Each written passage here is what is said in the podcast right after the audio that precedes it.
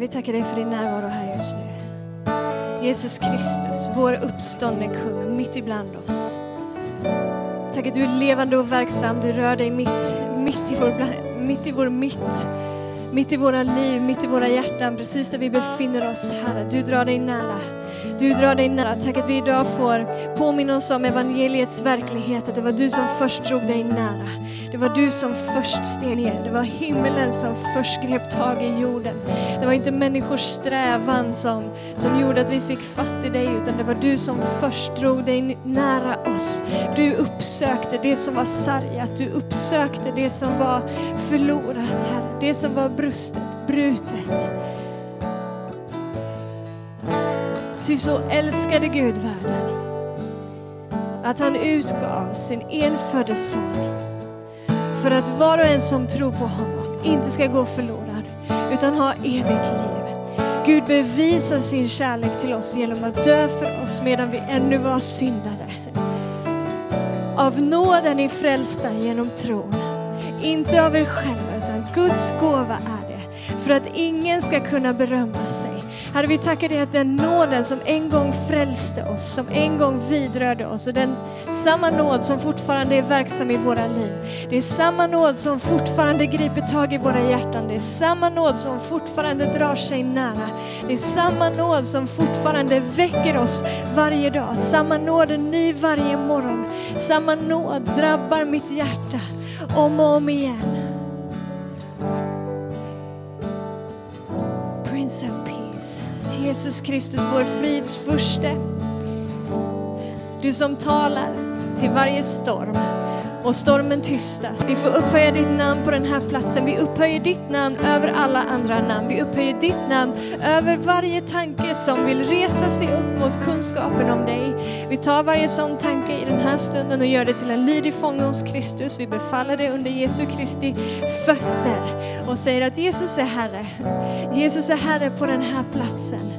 Vi lyfter upp namnet Jesus över våra egna känslor. Om det finns motstridiga känslor i, i våra liv i den här stunden så talar vi namnet Jesus över det.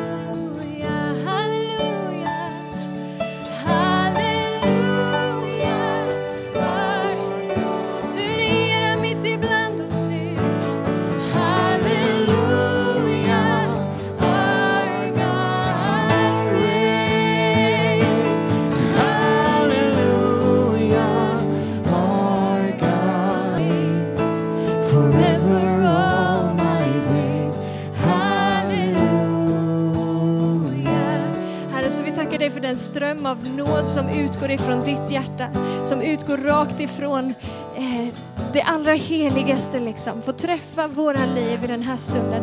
Nåden som löser oss från varje boja, nåden som lyfter av varje ok av, av prestation eller strävan. Tack att du sätter våra hjärtan fria i den här stunden till att bara vara dina barn. Till att bara älskas och älskas och älskas och älskas. Älskas in i frihet. Ber Herre att du skulle öppna vårt hjärta idag för att ta emot ditt ord. Låta ditt ord få bli till förvandling. Låta ditt ord få forma oss. Drabba oss igen Herre. Skaka om oss lite idag Herre. Väck oss ifrån våran bekvämlighet. Väck oss ifrån likgiltighet som vi ibland fastnar i. Väck oss ifrån den här lunken som vi liksom kommer in i ibland där vi inte uppfattar i våran ande vad, vad du gör Herre. Kom och skaka om oss. Välkommen på den här platsen. Du är välkommen på den här platsen idag att göra det som du vill.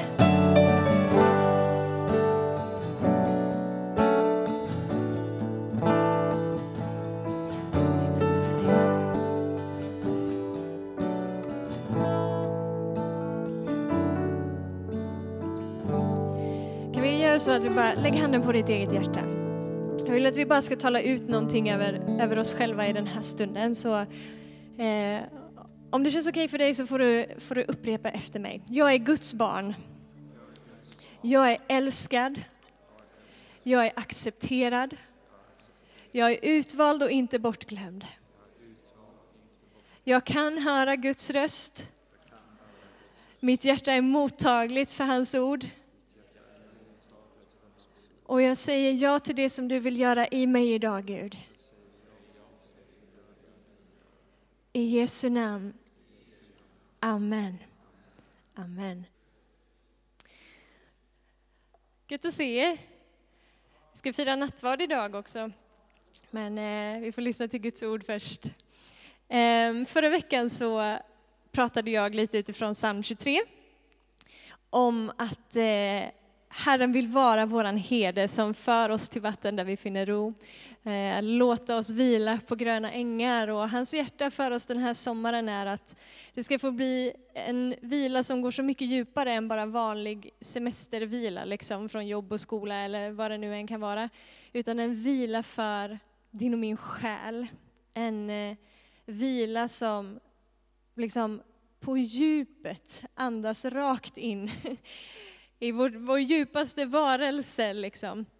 Eh, och att komma till honom, inte vara som eh, den här samaritiska kvinnan gjorde först som hade liksom sökt sin vila eller sin bekräftelse genom att dricka från massa andra brunnar. Liksom, utan komma till honom som är brunnen själv. Komma till honom som är levande vattnet. Komma till honom som, som är källan, han som är vattnet där vi finner ro. Eh, och vi kommer till honom inte för att förtjäna vår vila, utan för att han är vår vila. Det är en väldig skillnad i de två grejerna. Idag blir det en liten uppföljning då på, på förra veckans predikan. I Bibeln så ser man att vila är sammanlänkat med Eh, tillit. Och vad är tillit? Tro skulle man också kunna säga. Hjärtats tillit är det som jag väljer att i mitt hjärta försanthålla. Liksom. Det som jag väljer att säga, ja, så här är det. Det som jag på något sätt lägger mitt hjärta i, sätter min lit till, det är tro. Så om jag pratar om de här två begreppen idag, tillit och tro, så i min värld nu när jag pratar om det så är är de ett och detsamma. Så behöver vi inte bli förvirrade över det. Men i alla fall, vilan är starkt sammankopplad med den här tilliten. Så idag så är rubriken på predikan att följa Jesus i tro. Att följa Jesus i tillit. Förra veckan var det att följa Jesus i vila, eller följa Jesus i vila. Och då blir det idag att följa Jesus i tro. Eh, vilan då, den har sin grund i att jag sätter min tillit till honom. Att jag väljer att sätta min tillit till att det som han säger är sant. Det som han säger om sig själv, att det är sant. Och det som han säger om mig, att det är sant. Och det som han säger om min omständighet, att det är sant. När jag låter det som han säger få smälta samman med hela min varelse liksom, genom tro, där i kommer min vila för att hans verklighet på något sätt börjar pumpa i hela mitt väsen, i hela min varelse. Det bygger någonstans på att jag väljer att flytta min tillit från mig själv till honom.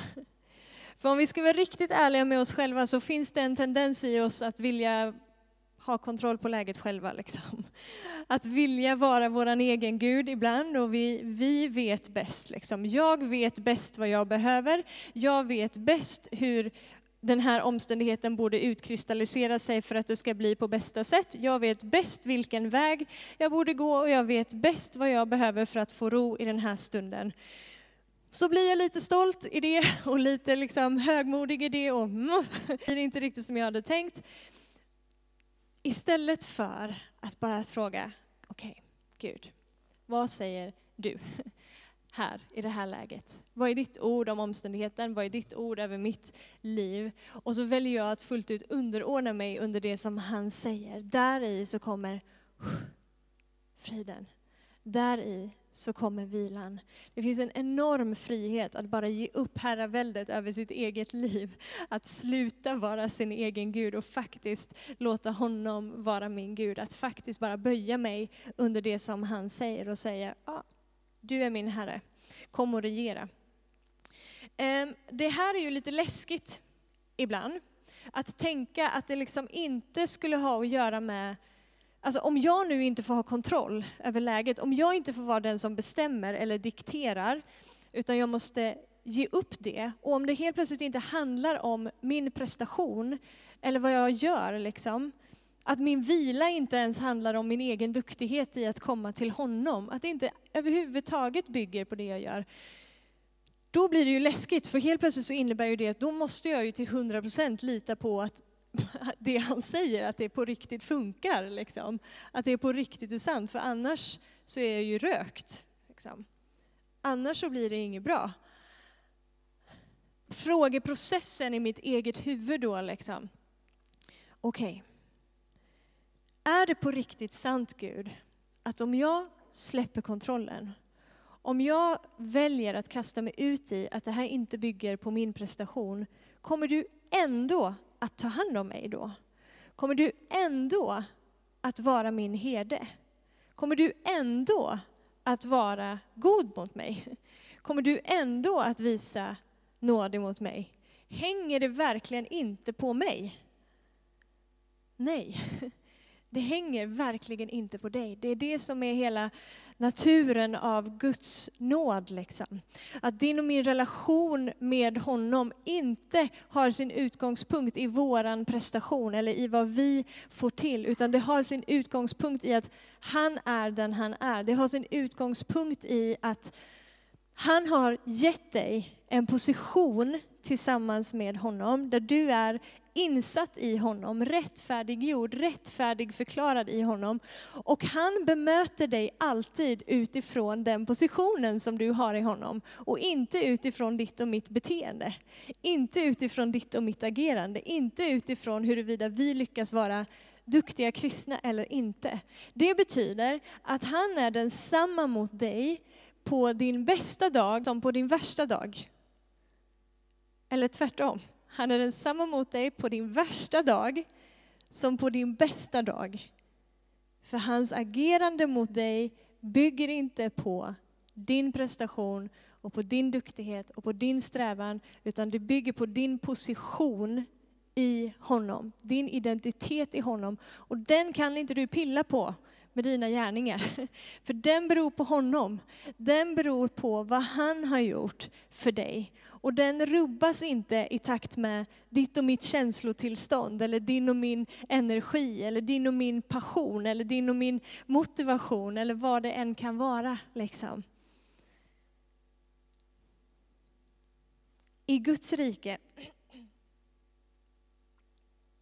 eller för, det är som att jag hör någon som bara blir lite nervös liksom när jag säger så här och bara så här kan vi inte säga till folk, folk kommer sluta agera kristet liksom, folk kommer bara bli slappa och loja i sin vandring med Gud och bara inte göra någonting. Nej, det, det funkar inte så i Guds rike, utan det är när, när Gud får fatt i våra hjärtan och vi fattar sanningen om att det inte hänger på min prestation, det är då vi förvandlas. Det är därifrån vårt agerande som kristna sen får flöda ut. Jag förändras och förvandlas när jag ser att han inte förändras och förvandlas.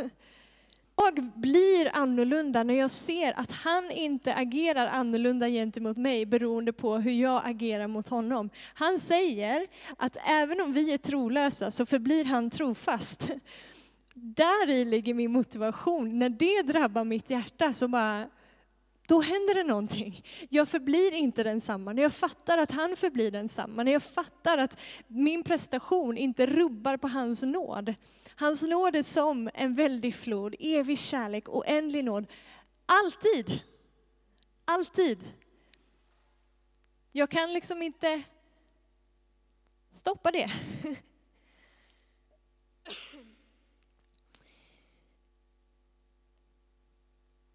Den tilliten, det är tilliten till hans oföränderliga karaktär, oföränderliga ord, oföränderliga godhet som blir den plats där vi kan stå fullständigt trygga och i fullständig vila. Ah, Lovisa, det är för bra för att vara sant. Ja, men tänk om det är sant? Tänk om det är sant?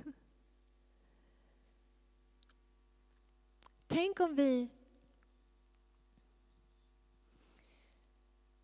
Tänk om vi skulle försanthålla det och tro det för våra egna liv.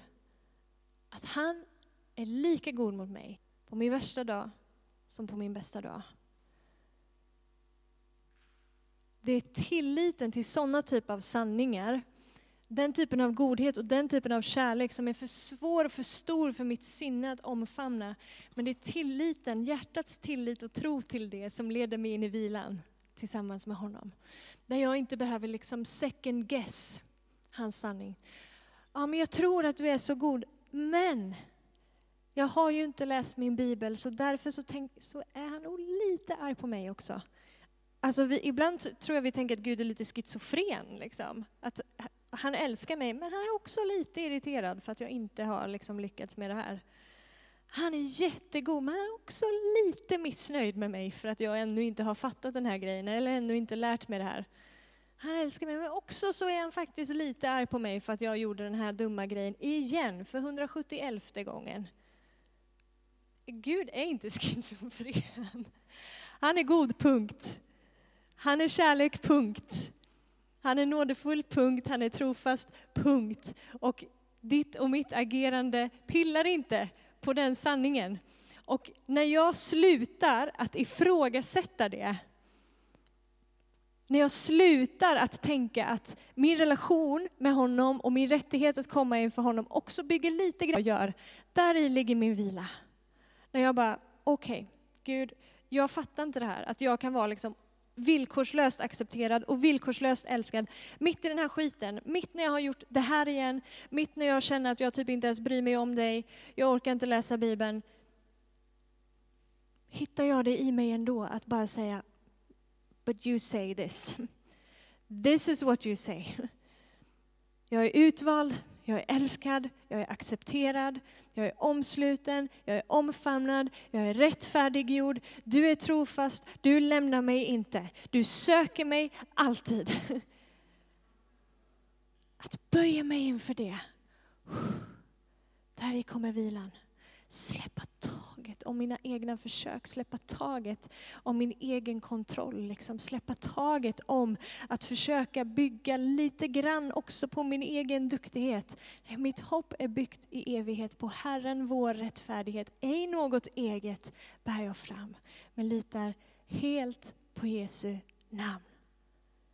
Hjärtats tillit, jag flyttar det från mig själv till honom bygger på hans trofasthet. Det bygger på hans kärlek. Det bygger på hans rättfärdighet. Och när jag ser det, då förvandlas jag. Det ger oss så mycket frihet att bara vara oss själva. Liksom.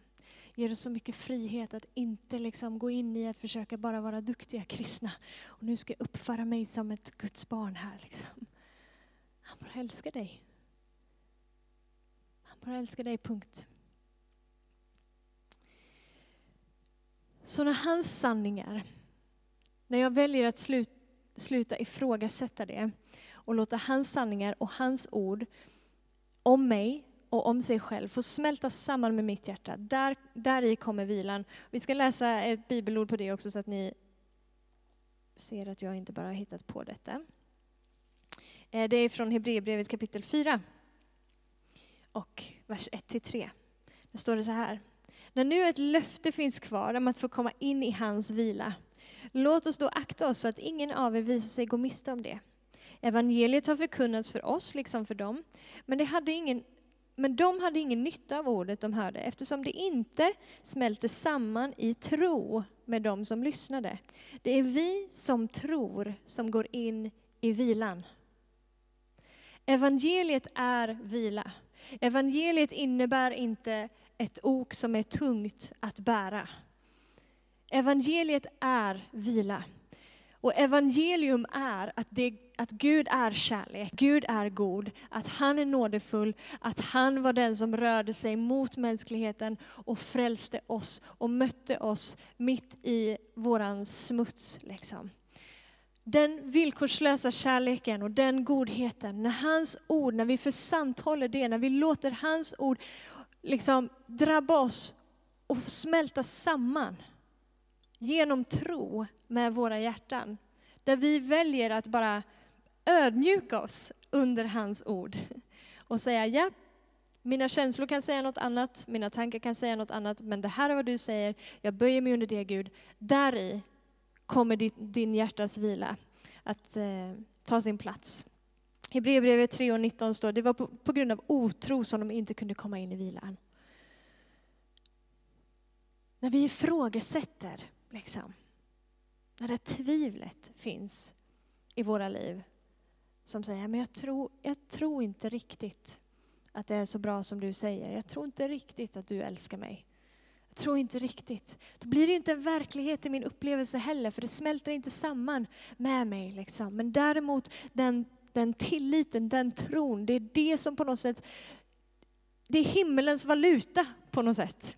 Tro är himmelens valuta som löser ut Guds verkligheter i ditt och mitt liv. Liksom. För att det realiseras i ditt och mitt hjärta.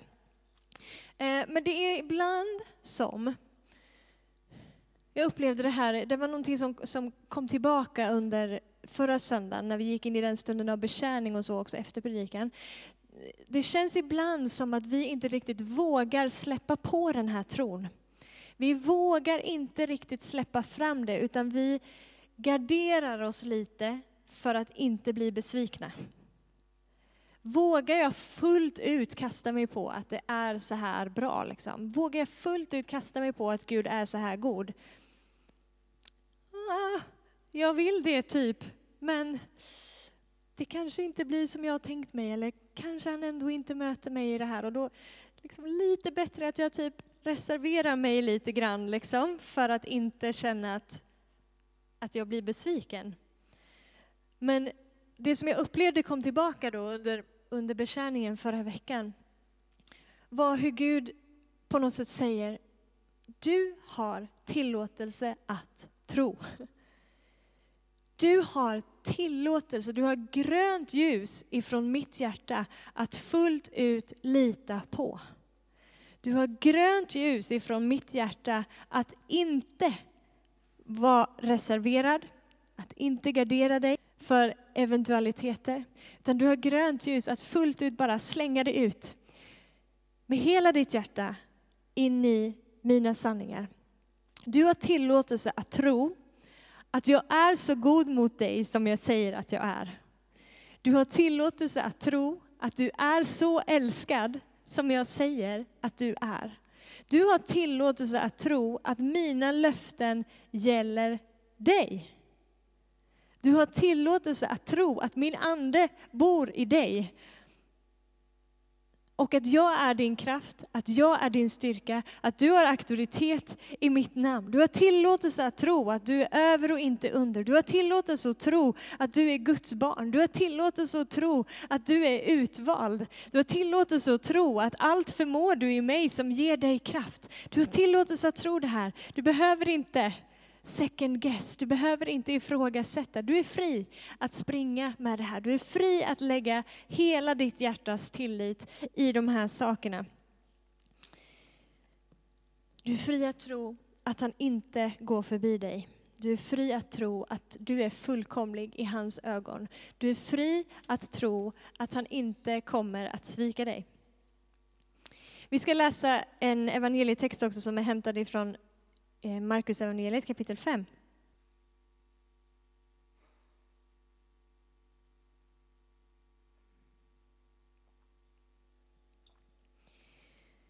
Och vers 21 för er som lyssnar på podcast efteråt. När Jesus var tillbaka med båten på andra sidan samlades en stor folkskara hos honom där han var vid sjön. En synagogföreståndare som hette Jairus kom dit och när han fick se Jesus föll han ner för hans fötter och bad honom enträget. Min dotter är döende. Kom och lägg händerna på henne så att hon blir frisk och får leva.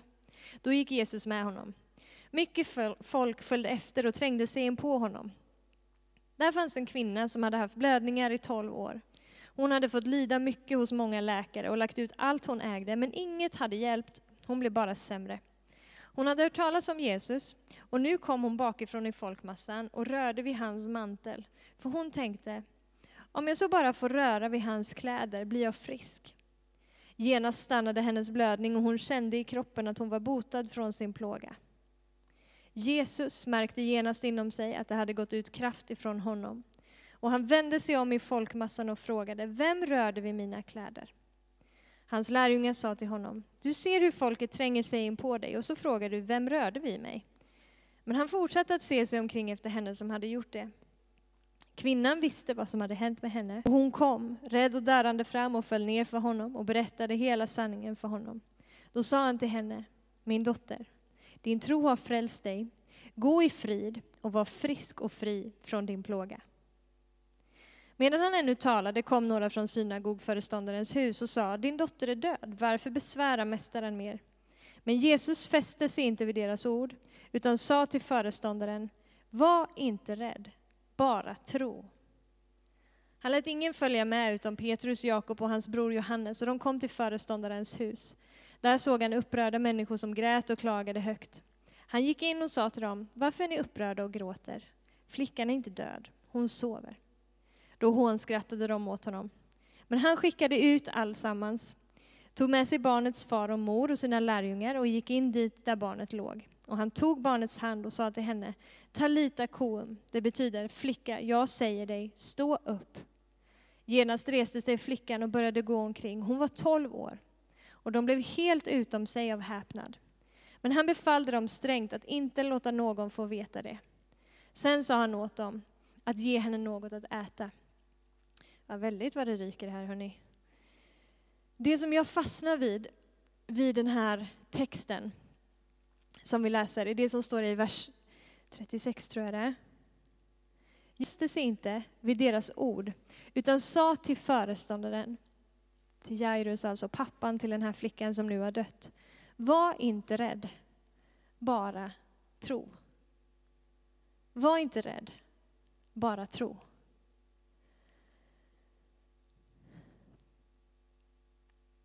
Kanske vi tänker ibland, ja det är ju lättare sagt än gjort. Ja, är det verkligen det? För om Jesus säger det, allting som Jesus säger att vi ska göra, kommer också med nåden att göra det. Han kallar oss inte att göra någonting som han inte redan har utrustat oss för. Okay? Allt i Guds rike blir oss först givet av honom så att vi kan ge det tillbaka. Liksom. Så om han säger det så betyder det att vi kan göra det. Och kanske vi också tänker att ah, men lätt för dig att säga Jesus, du är ju bara Gud. Liksom. Det är klart att du har tro. Ja, fast Jesus är också fullt ut människa. I den här stunden, han, agerar, han är fullt ut Gud men han är också fullt ut människa. Det betyder att så som han agerar kan vi också agera. För han har kommit som fullt ut människa för att sätta ett exempel för oss vad det är att, in, att leva i perfekt relation med sin fader. Vad det är att leva i fullkomlig tillit till sin fader. Han lever som människa för att visa oss hur man gör det. Och säger han så här, vad vi ska göra, så kan vi göra det. Det är liksom ingenting som vi behöver fundera på huruvida det är så eller inte. If he says so, då är det så. Var inte rädd, bara tro. Och jag vet inte vad som händer i dig när man pratar om det här med, med tro liksom. Och när ett sånt typ av ord går ut, om du bara ah, kramp, jag har inte den tron liksom. Och så bara, oh, jag måste typ försöka vispa upp någonting liksom, i mig själv och ta i från tårna liksom, för att få till den där tron. Men jag hoppas att det som jag säger nu, att det ska kunna få oss att bara, okej, okay, axlarna ner. För jag menar så här, att den tron som Jesus säger att vi ska ha och vi ska använda oss av. Om du är frälst, om du är född på nytt, om du är fylld med Guds ande, då finns den tron i din ande. Då har du den tron i din ande. Kanske den känns som ett senapskorn, men den finns i din ande. Varför? Jo, för din ande har gemenskap med Guds ande. Okay? Du är ett tempel för den helige ande. Den helige ande har tagit sin boning i dig. Och Guds ande i dig har ständig gemenskap med Gud. Alltid i relation med Gud. Okay? De är liksom förenade. Så Guds ande i dig har inget tvivel. För Guds ande i dig vet vem Gud är. Guds ande i dig vet vad Gud förmår. Guds ande i dig vet vad sanningen är i varje situation. Och Guds ande finns i dig för att vittna för dig om vem Gud är. För att göra tydligt för dig i varje given situation vad Guds sanning är om dig, om honom och om den situationen. Så den sanning, eller den tron, den tilliten finns i din ande, där gemenskapen finns med Gud. Det som ställer till det för oss ibland är det som händer här uppe i våra huvuden och i våra känslor. För ibland, okej okay, så här, när vi blir frälsta, när vi blir födda på nytt så säger Bibeln, du är en ny skapelse. Det gamla är förgånget, det nya har kommit. Du är en ny skapelse i Kristus, du är på nytt född. Kruxet är att det tar lite tid för våra tankar och våra känslor att inordna sig i ledet liksom. Och fatta vad som faktiskt har hänt och fatta vad som är sant. Så vårt tankesystem och vårt känslosystem är fortfarande fäst vid den gamla människan. Den gamla människans sätt att orientera sig, den gamla människans sätt att, att tänka. Liksom. Köttet kallar Bibeln den gamla människan för också. Köttet är inte bara, det talar inte om vår först och främst vår fysiska kropp, liksom, utan köttet är den gamla människan, det gamla sättet att, att tänka. Ett sinnelag som är upproriskt mot Gud. Och Gud, liksom, om vi har otro i våra liv, om vi har tvivel i våra liv, så sitter det i köttet. Det sitter i den gamla människan, det sitter inte i den nya människan den nya människan, i din ande, så har du den tro som krävs.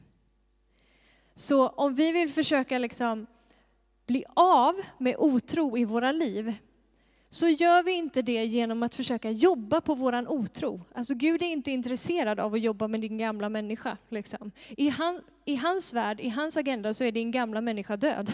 Varför? För jo, för han tog den på korset. Och han sa att låt den stanna kvar där i dopgraven när ni döps. Låt den gamla människan få bli kvar där i dopgraven och så uppstår ni tillsammans med mig i din nya människa. Han var inte intresserad av att jobba på din gamla människa så därför gav han dig en helt ny natur. Så han relaterar till dig utifrån din och min nya natur, utifrån vår människa, inte utifrån den gamla människan. Så vill vi bli av med otro i våra liv så gör vi inte det genom att försöka liksom jobba, jobba lite på våran otro. Liksom. Utan hur gör vi det? Det som Bibeln kallar för vandra i anden. Vandra i anden. Vi lär oss att liksom koppla in i det som är våran pånyttfödda människa. I det som anden i mig redan vet är sant. Därifrån kan jag leva, leva mitt liv. Liksom. Jag tror att vi ibland väcker upp den där gamla människan lite för många gånger om dagen. Alldeles i onödan. Eller så låter vi liksom tankar som inte är förnyade och förvandlade, eller känslor, vara det som dikterar för oss vad som är sant i en given situation. Istället för att låta det som min ande vet är sant vara det som dikterar för mig vad som är sant i en viss situation. Är ni med på skillnaden här? Med mycket begrepp och mycket, eh, mycket tankar som jag slänger ur mig. Men det jag, vill, det jag menar att säga är, vi behöver inte ha kramp för att försöka flåsa upp någon slags tro. När Jesus säger, tro bara. För den tron finns nedlagd i dig. Den finns i din ande. Så det vi vill göra är att bara böja oss under det. Att inte låta mitt kött och mina gamla tankar, mitt, mitt gamla tankesystem, mina gamla känslor vara det som talar om för mig, eller som, som leder mig. Liksom. Utan anden i mig får leda mig. Det finns, ju bara, det finns ju bara en tanke i varje situation som vi vill ha. Och det är ju den tanken som Jesus har. Eller hur? Så som han tänker i varje situation. Det vill jag tänka. Och vi har inte råd att liksom, när Jesus säger bara tro, var inte rädd utan bara tro. Vi har inte råd att vara tvehågsna i vårt sinne och säga, ja jag tror, men. Jag tror att du älskar mig, men. Jag tror att du vill göra det här för mig, men. Jag tror, jag tror. Min ande vet att det här är sant, så jag tror. Jag väljer att inte lyssna på det där andra som säger men. Jag sjabblade ju lite, så ah, kanske det inte riktigt är sant. Den tvehågsenheten, liksom, the double-mindedness, eh, talar Jakob om i Jakobs brev. Han säger, jag tror att vi fick med det bibelordet här var också på skärmen. Om någon av er brister i vishet ska han be till Gud som ger åt alla villigt och utan att kritisera och han ska få. Men han ska tro utan att tvivla. Du ska be i tro utan att tvivla. Den som tvivlar liknar havets våg som drivs och piskas av vinden. En sån människa ska inte tänka att hon kan ta emot något från Herren. Splittrad som hon är och ostadig på alla sina vägar. Den här tvehågsenheten som vi ibland har, liksom, den, den, eh, den ställer till det för oss. Den ställer till det för oss. Men i din ande så har du den tro som krävs. Så det här men, jag tror men, zip, zip it. Det är inte del av vem jag är. Det där är ett gammalt tankesystem som hör till min gamla människa som jag inte behöver plocka upp. Om Jesus har sagt, var inte rädd, bara tro, då kan jag göra det. Och allt ifrågasättande, allt second guessing, Oavsett vad mina känslor vill skrika mig i mitt ansikte, oavsett vad, vad tankarna vill skrika mig i mitt ansikte. Hmm, det får vara där. Jag väljer att underordna mig det som jag vet i min ande är sant. Det som du säger om mig, Gud. Jag vet inte riktigt hur vi ska landa det här. Vi ska gå in i nattvarden också, så vi får kanske försöka runda av det lite. Hur som helst, tro. Jag vet inte om ni har hört någon gång liksom ibland människor som säger att eh, ja, men, ni, som bara, ni som bara tror, liksom, ni blir religiösa puckon liksom, som bara totalt blundar för hur verkligheten ser ut. Liksom. Hello, wake up, du kan inte vara så där, nej, du kan inte vara så där blåögd. Men tro förnekar ju inte verkligheten. Tro är inte någonting som sätter skygglappar på, liksom. där jag inte längre ser mina omständigheter. Utan tro bara orienterar sig utifrån en annan verklighet. Precis som Jesus gjorde. Omständigheterna här säger, flickan är död. Folket kommer till honom och säger, don't even bother, det är ingen idé. Och Jesus fäster sig inte vid, sina, vid deras ord, för han orienterar sig utifrån en annan verklighet. Han säger tro bara, och han tror bara. Och den verkligheten är det som han eh, liksom grabbar tag i, i den stunden.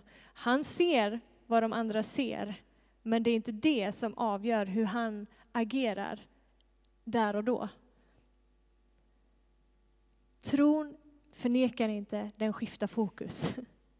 Den skiftar vårt fokus från det som är här och nu och från det som liksom kanske talar till det som Gud är och till det som är Guds verklighet. Om än det bara är tro lite som, som ett senapskorn. Tro låter oss överväldigas av vem Gud är snarare än att överväldigas av våra omständigheter. På den platsen vill jag leva i mitt liv. Där jag ständigt låter mig överväldigas av Guds natur. Vem han säger att han vill vara för mig i varje given situation. Snarare än att jag låter mig överväldigas av vad andra känslor vill säga mig. Eller vad, vad mitt kött vill säga mig. Eller vad mina omständigheter vill säga mig. Eller vad min rädsla vill säga mig. Tro grabbar tag i hans verklighet. Och det är när jag väljer den verkligheten som vilan kommer mig till del. Är ni med på banan? Så vi ber dig för våra liv, Herre. Att vi alltid skulle leva på platsen där vi låter oss överväldigas av vem du är. Och inte överväldigas av, av våra omständigheter. Lär oss att vandra i anden. Tack att du har gett oss allt vad vi behöver för att tro dina löften. Du har gett oss allt vad vi behöver. Det finns nedlagt i oss Gud, så vi väljer att bara underordna oss det. Vi underordnar oss det som du säger är sant. Vi ger upp herraväldet över vårt eget liv. Vi ger upp att själva diktera vad som, vad som är sant. Oavsett vad som skriker oss i ansiktet. Men vi väljer att tro Gud. Vi väljer att lita på att det som du säger faktiskt är sant. Vi väljer att lita på att du är den du säger att du är. För mig, i min specifika situation, så är du den du säger att du är. Du är så god som du säger att du är. Du älskar så mycket som du säger att du älskar. Punkt. Punkt. Lär oss att leva på den platsen. Tack att du lär oss att leva på den platsen av vila. Du lär oss att leva på den platsen av, av tillit. Du lär oss att leva på platsen där vi inte förlitar oss på vårt eget förstånd utan vi förtröstar på dig av hela vårt hjärta och på riktigt låter dig vara Gud. Låter dig vara Herre. Och vi låter oss förvandlas genom sinnets förnyelse. Så att de tankar som eh, ännu inte liksom har hängt med på banan riktigt, de får bli förnyade och förvandlade genom din ande. Så vi får Jesu Kristi sinnelag och vi tänker så som du tänker. I Jesu namn. Och allt folket sa Amen.